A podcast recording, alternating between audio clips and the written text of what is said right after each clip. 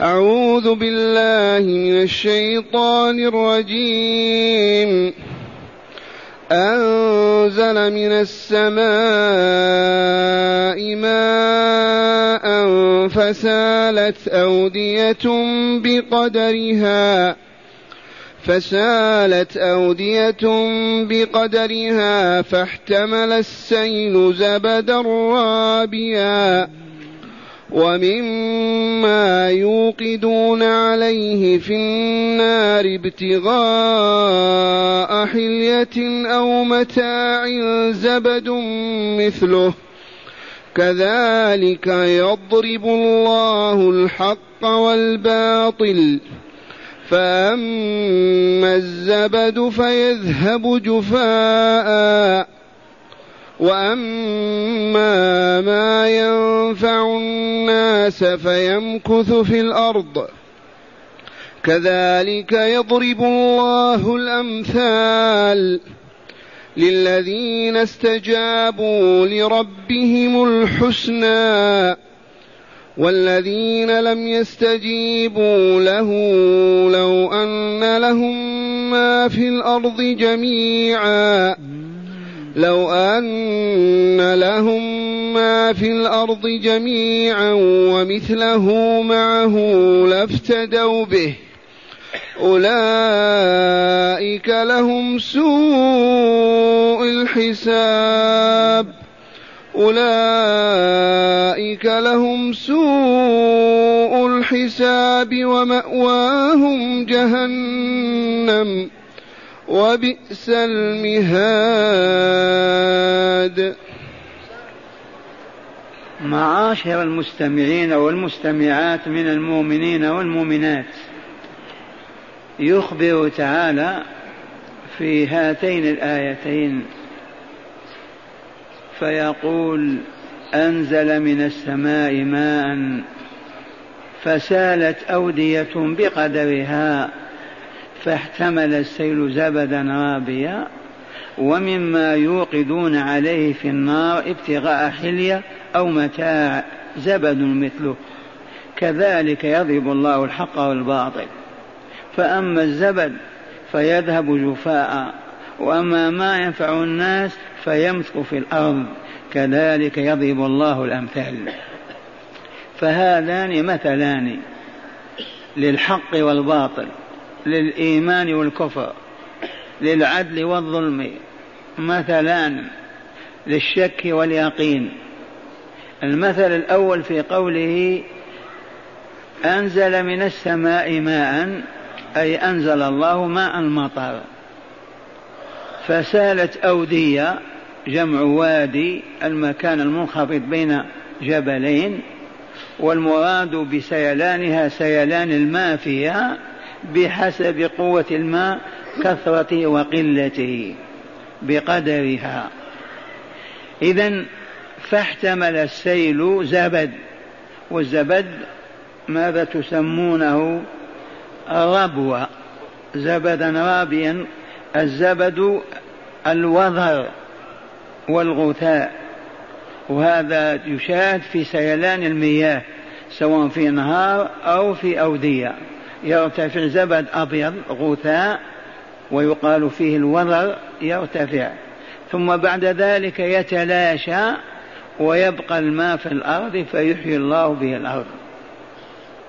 فصيحة أهل الظلم وضلالهم وشركهم وكفرهم مضروب له مثل الزبد حيث يتناهى ويتلاشى وكل غثاء ووسخ. وأهل الإيمان واليقين أهل التوحيد هم كالماء الذي يحيي الله به الأرض بعد موتها. هذا مثل للماء في الأرض ومثل آخر في البوتقة. الصاغ الصايغ يصيغ الذهب أو الفضة أو غير ذلك أو الحداد كذلك الصانع. لما يضع الذهب أو الفضة في بوتقته فكيف حالها؟ ينفخ عليها فإذا بالزبد فوقها. كل ما لا يصلح أن يكون صالحا للاستعمال يبعد يبعده ويسقط بعيدا عنه ويبقى الذهب والفضة أو الحديد الذي يصلح للعمل. فقال تعالى أنزل من السماء أي الله تعالى ماء. فسالت أودية بقدرها بقدر الماء فيها. فاحتمل السيل ورفع. احتمل تحمل ورفع. ماذا رفع؟ زبدا رابيا عاليا والزبد ذاك الغثاء. ومن هذا مثل. ومما يوقدون عليه في النار أيضا كما قلنا الصاغ أو الحدادون. ومما يوقدون عليه في النار لماذا يوقدون عليه؟ قال ابتغاء حلية من ذهب وفضة أو متاع كالآلات التي يستعملونها من الذهب والفضة. والحديد. زبد مثله مثل ذاك الذي ارتفع. هكذا يقول تعالى كذلك يضرب الله الحق والباطل. هذا مثل الحق والباطل للكفر والإيمان للشك واليقين للشرك والتوحيد. إذ هذا حق وهذا باطل. فانظر عواقب الباطل.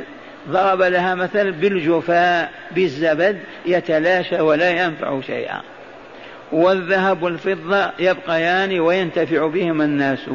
الماء يسيل عليه ذاك الزبد ويذهب جفاء لا شيء فيه ويبقى الماء الصحيح فيحيي الله الأرض بعد موتها. يقول تعالى كذلك أي هكذا يضرب الله الأمثال لأن الأمثال تقرب المعاني من الذهن والعرب يعيشون على ضرب الأمثال لا يخلو شيء من مثل عندهم. فيضرب الله تعالى الأمثال ليتبصروا ليتعلموا ليتفقهوا. فأيقنهم أن كفرهم وشركهم وظلمهم مثله كالزبد الذي على سطح الماء أو على سطح البوتقة. لا ينفعهم شيئا وعاقبته سوءا.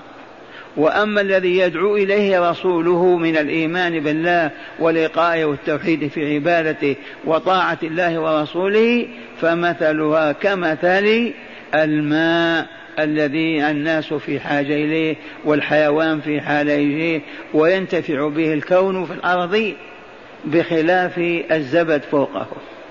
البوتقة التي في يد الحداد أو الصائغ كذلك يعلو فوقها الزبد ولا ينفع شيئا.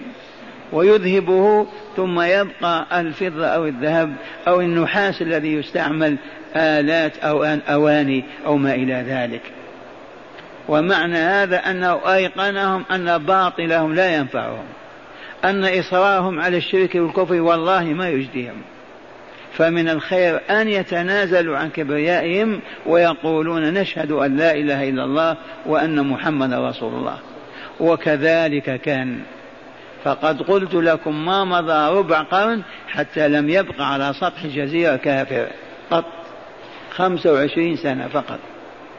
انتفعوا بهذه الآيات وإلا لا؟ انتفعوا بها. أعيدها مرة ثانية وتأملوها. أنزل أي الله تعالى من السماء ماء فسالت أودية بقدرها. بقدر ما فيها من الماء. فاحتمل السيل زبدا رابيا والماء نفع الله به الأرض فأنبتت النبات وانتفع به الناس. والزبد ذهب غثاء ووسخ. مثال ثاني ومما يوقدون عليه في النار. الصاغ كما قلنا والحدادون ومن إليهم. ابتغاء أي طلبا لحلية ذهب وفضة أو منع أو متاع أواني ينتفعون بها أو سيوف أو ما إلى ذلك. قال زبد مثله أيضا. هكذا كذلك يضرب الله الحق والباطل. هكذا يضرب الله المثل للحق والباطل. يدخل فيه الكفر والتوحيد والشرك والكفر الإيمان واليقين. فأما فأما الزبد ذاك الغثى الذي يطلع فوق الماء أو فوق ال... هذه البوتقة التي يصنع بها الصانع فأما الزبد فيذهب جفاء غثاء لا ينتفع به أحد. وأما ما ينفع الناس فيمكث في الأرض في البحر في الأرض أو في البوتقة في الذهب والفضة والحديد والنحاس. فيمكث في الأرض. كذلك يضرب الله الأمثال. هكذا يضرب الله تعالى الأمثال للناس. لعلهم يفهمون يفقهون يتبصرون يرجعون إلى الحق بعد ضلالهم وشركهم وكفرهم. وقد فعل. وقوله تعالى خبر ثاني عظيم. للذين استجابوا لربهم الحسنى.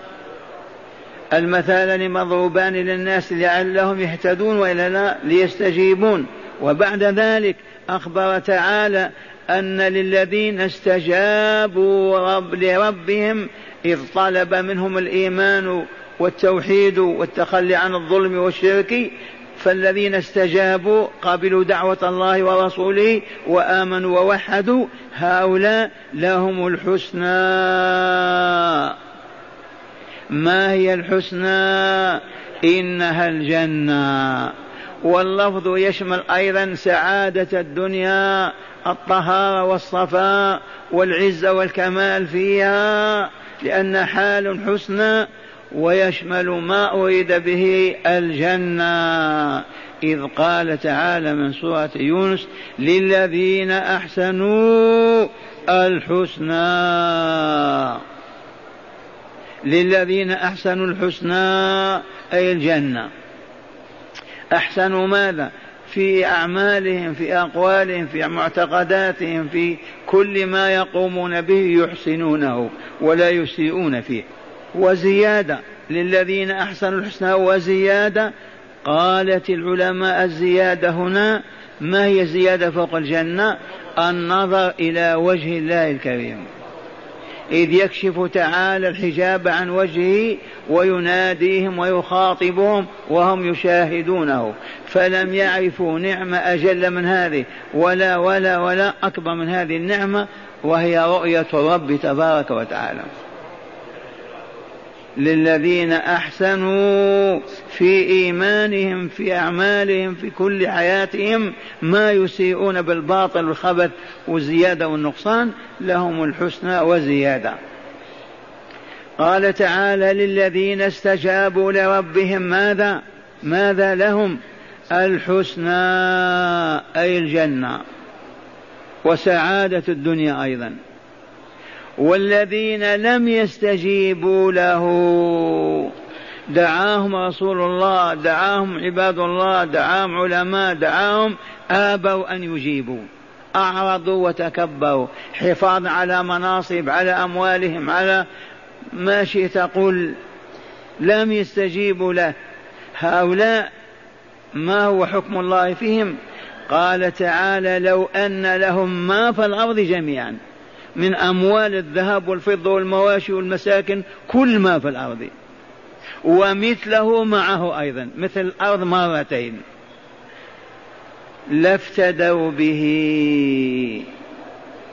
لما يقفون ذلك الموقف في عرصات القيامة بلها فقط لما يدخلون القبر ويبدأ العذاب وتبدأ الاستطاقات والله يودون لو أن لهم ما في الأرض جميعا ومثله معه لافتدوا به هذه الحال. هذا الخبر من أخبر به؟ خالق كل شيء والعليم بكل شيء. للذين نعم. والذين لم يستجيبوا لهم لا, لا. والذين لم يستجيبوا له عز وجل. هؤلاء لو أن لهم ما في الأرض جميعا. هذه العبارة تشمل الذهب والفضة والبشر والبهائم والملكوت بكامله. ومثله معه لو أن لهم مثل هذا معه مرتين. لافتدوا به أي لفدوا أنفسهم بهذا الدنيا وما فيها. إذا فالعذاب هذا عجب. لا تستطيع أن تتصوره. الذي يجعل المرأة يفدي نفسه بكل الدنيا. ما هو بأمه وأبيه بالحياة كلها. ومرتين أيضا. وهذا لشدة العذاب وعظم السؤال والاستنطاق وبعد ذلك الدخول في جهنم. وأخيرا إليكم هذا البيان. أولئك البعداء لهم سوء الحساب. هؤلاء الذين لو أن لهم ما في الأرض جميعا ومثله ما افتدوا به هؤلاء لهم سوء الحساب. أسوأ الحساب وشر وأقبحه. الحساب إذا كان يسيرا أبشر يا من حسب حسابا يسيرا. وإذا كان عسيرا وإذا كان أسوأ حساب فصاحبه هالك هالك هالك. إذ ينقل إلى عالم الشقاء ليعيش أبدا في ذلك العذاب الأبدي. أولئك لهم سوء الحساب أولا ومأواهم جهنم. بعد الحساب الشديد في ساحة فصل القضاء ينقلون إلى جهنم مأواهم يأوون إليها وبئس هذا المأوى وبئس هذا المهاد الذي مهد لهم ليجلسوا عليه ويبقوا فيه. أولئك لهم سوء الحساب ومأواهم جهنم وبئس المهاد. أسمعكم شرح الآيات من الكتاب. معنى الآيات أو معنى الآيتان ما زال السياق في تقرير التوحيد والتنديد بالكفر والشرك. ففي هذه الآية الكريمة ضرب الله تعالى مثلا للحق والباطل. للحق في بقائه والباطل في اضمحلاله وتلاشيه. فقال أنزل أي الله من السماء ماء فسالت أودية بقدرها أي بحسب كبرها وصغرها لأن الوادي قد يكون كبيرا وقد يكون صغيرا. فاحتمل السيل أي حمل سيل الماء في الوادي زبدا رابيا أي غثاء ووضرا عاليا على سطح الماء. هذا مثل هذا مثل مائي ومثل ناري قال فيه عز وجل ومما يوقدون عليه في النار. أي ومما يوقد عليه الصاغة والمح... الصاغة والحدادون ابتغاء حلية أي طلبا للحلية. أو متاع أي طلبا لمتاع يتمتع به يتمتع به كالأواني. إذا الصائق أو الحداد يضع الذهب أو الفضة أو النحاس في البوتقة وينفخ عليها بالكير. فيعلو ما كان فاسدا غير صالح على صورة الزبد وما كان صالحا يبقى في البوتقة وهو الذي يصنع منه الحلية والمتاع.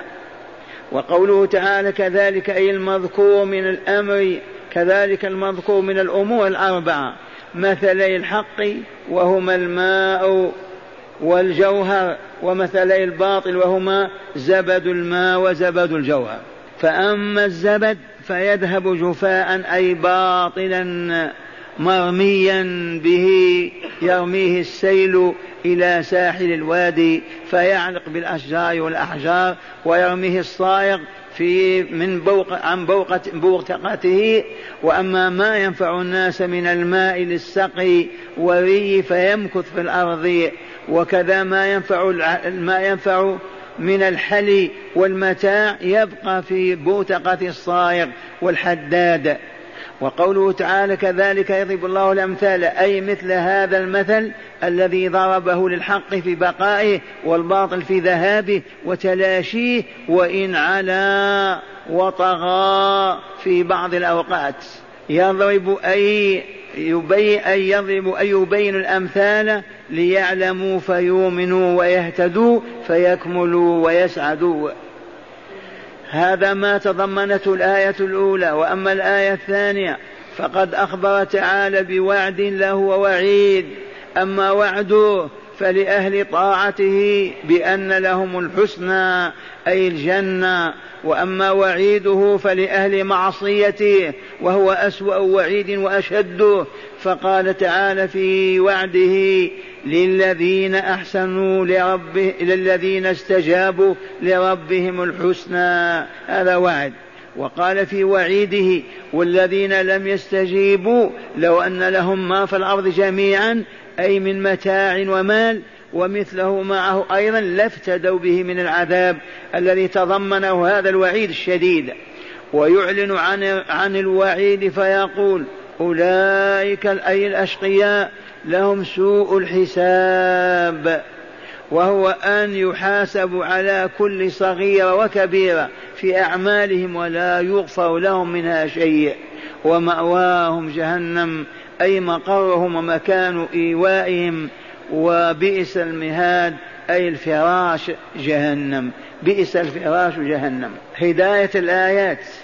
من هداية الآيات أولا استحسان ضرب الأمثال لتقريب المعاني إلى الأذهان. رب ضرب المثل لما نحن ما نضرب المثل؟ نضرب المثل. لماذا؟ لتقريب المعنى إلى الذهن. ثانيا ثبات الحق واضمحلال الباطل. سنة من سنة الله لا تتخلف. مهما طغى الباطل وانتشر والله لا بد وأن يزول. والحق كلما كمل طالت مدته. ثالثا بيان وعد الله للمستجيبين له بالإيمان والطاعة وهي الجنة. الحسنى.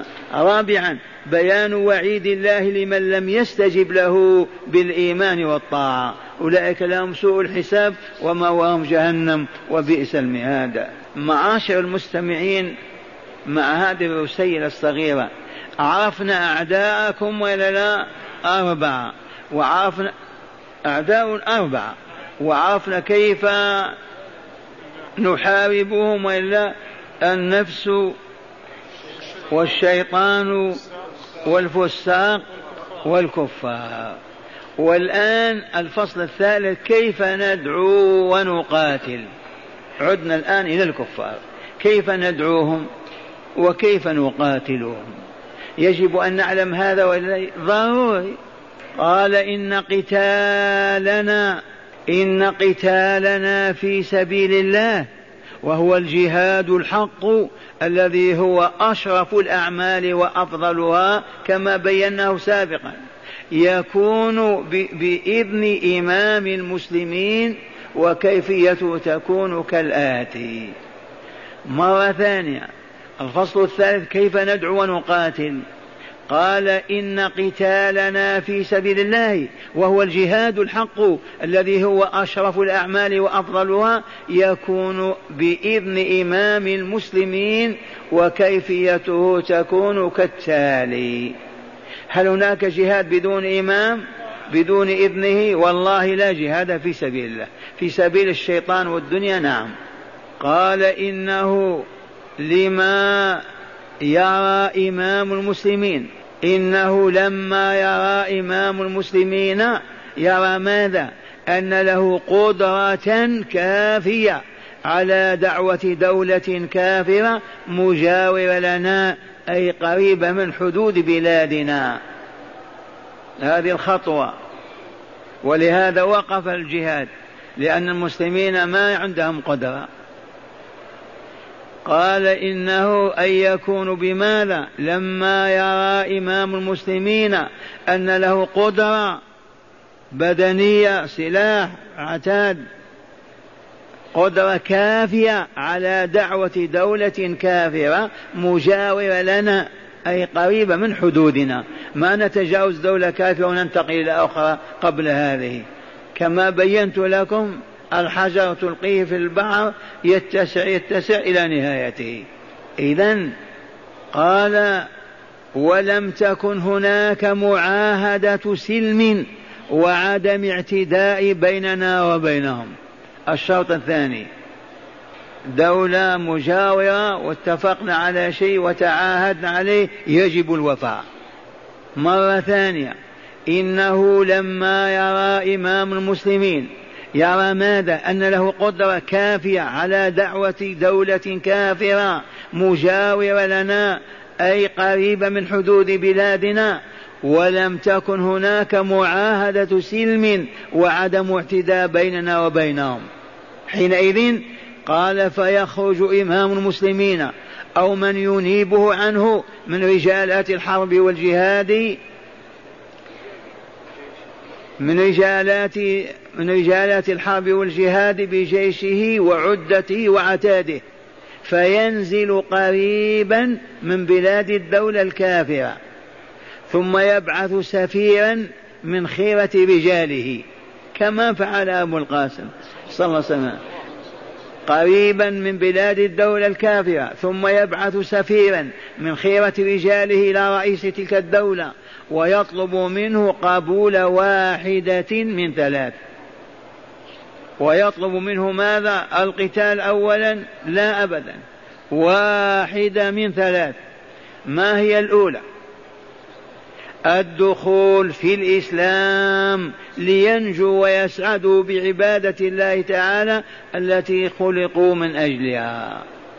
ادخلوا في الإسلام لتكملوا وتسعدوا. إذ خلقتم لهذه المهمة. يفهمونهم هكذا. ما خلقوا للهو والباطل والشرك والكفر وإنما خلقوا ليعبدوا الله عبادا تطهرهم وتزكيهم وتؤهلهم للجنة دار السلام. هذه واحدة من الثلاث وإلا لا؟ ما هي؟ يدعونهم إلى الدخول في الإسلام من أجل ماذا؟ لنكسب أموالهم أو نذلهم ونهينهم؟ لا والله لينجوا ويسعدوا بعبادة الله تعالى التي خلقوا من أجلها. أما قال تعالى وما خلقت الجن والإنس إلا ليعبدون لو سئلت عن سر الخلق تقول أن يعبد الله والثانية قال دفع جزية سنوية. دفع ضريبة سنوية في العام مرة مقابل حماية المسلمين لهم. لا يدخل عليهم عدو يؤذيهم. نحن نتولى الدفاع عن جيوشنا هي التي تدفع العدو الذي يهاجم هذا البلد الذين هم أهل ذمتنا. مقابل تلك الدراهمات القليلة جيشنا يتولى حمايتهم. لو غزوهم غزاهم عدو يقف المسلمون في وجهه والذميون ما نطالبهم من يقاتلوا. والثانية دفع جزية سنوية مقابل حماية المسلمين لهم.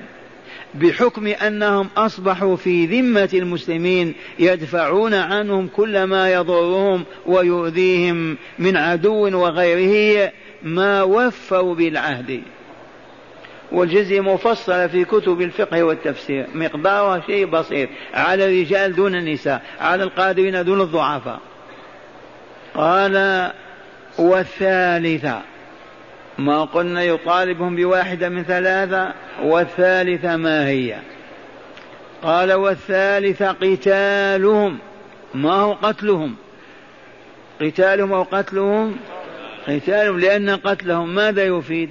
من يعبد الله إذا ماتوا؟ ما نريد قتلهم أبدا نريد قتالهم حتى يسلموا.